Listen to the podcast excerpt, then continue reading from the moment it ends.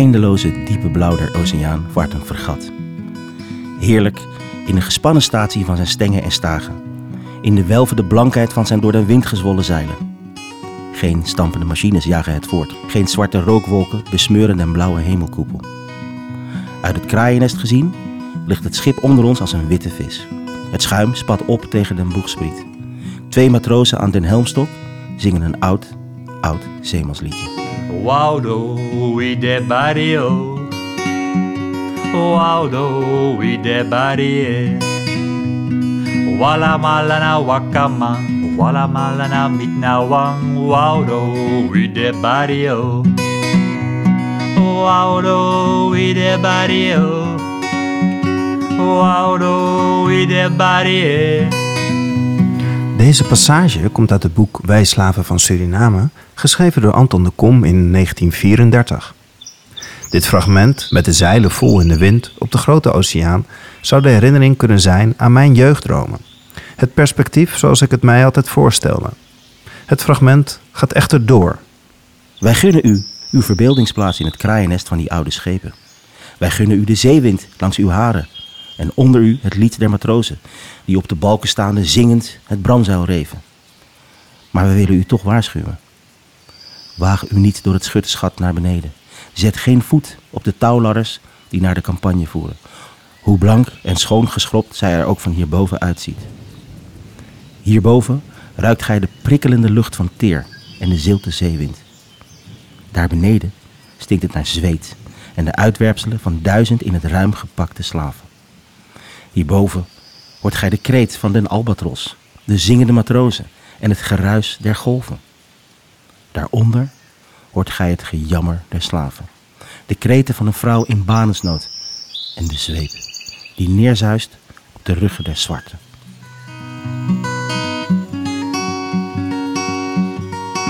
Het lijkt misschien ver weg, maar de historische ongelijkheid werkt nog altijd door in ons onderwijskundige nu.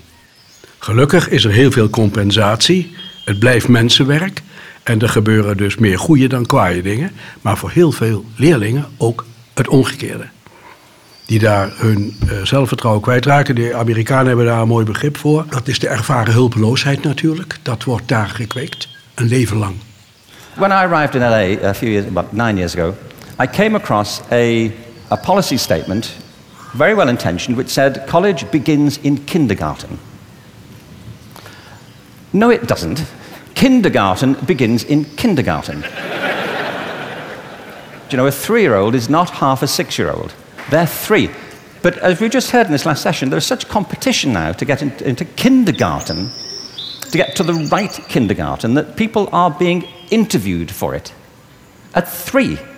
Kids sitting in front of unimpressed panels, you know, with their resumes, flicking through it, saying, What, this is it?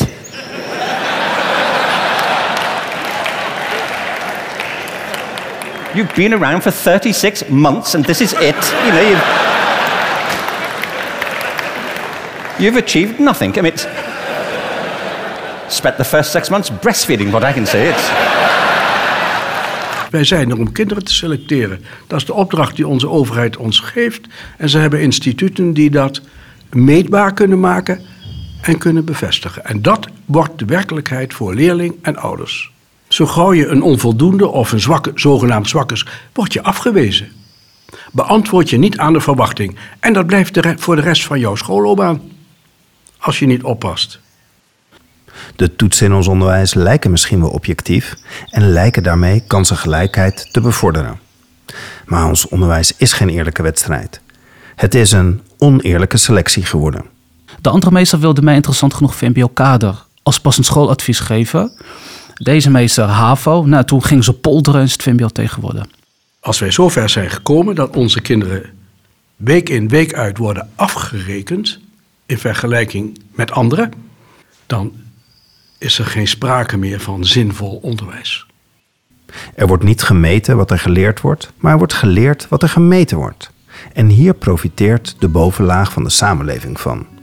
Kijk naar de wildgroei aan CITO-trainingen, de examen-testtrainingen.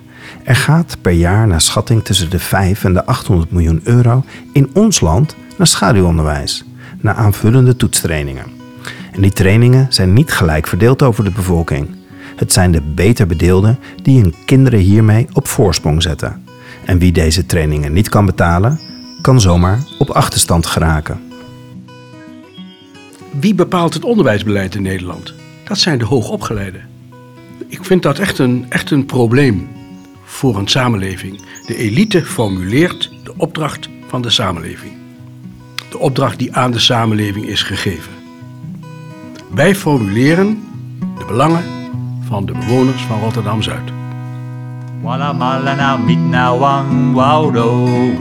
barrio.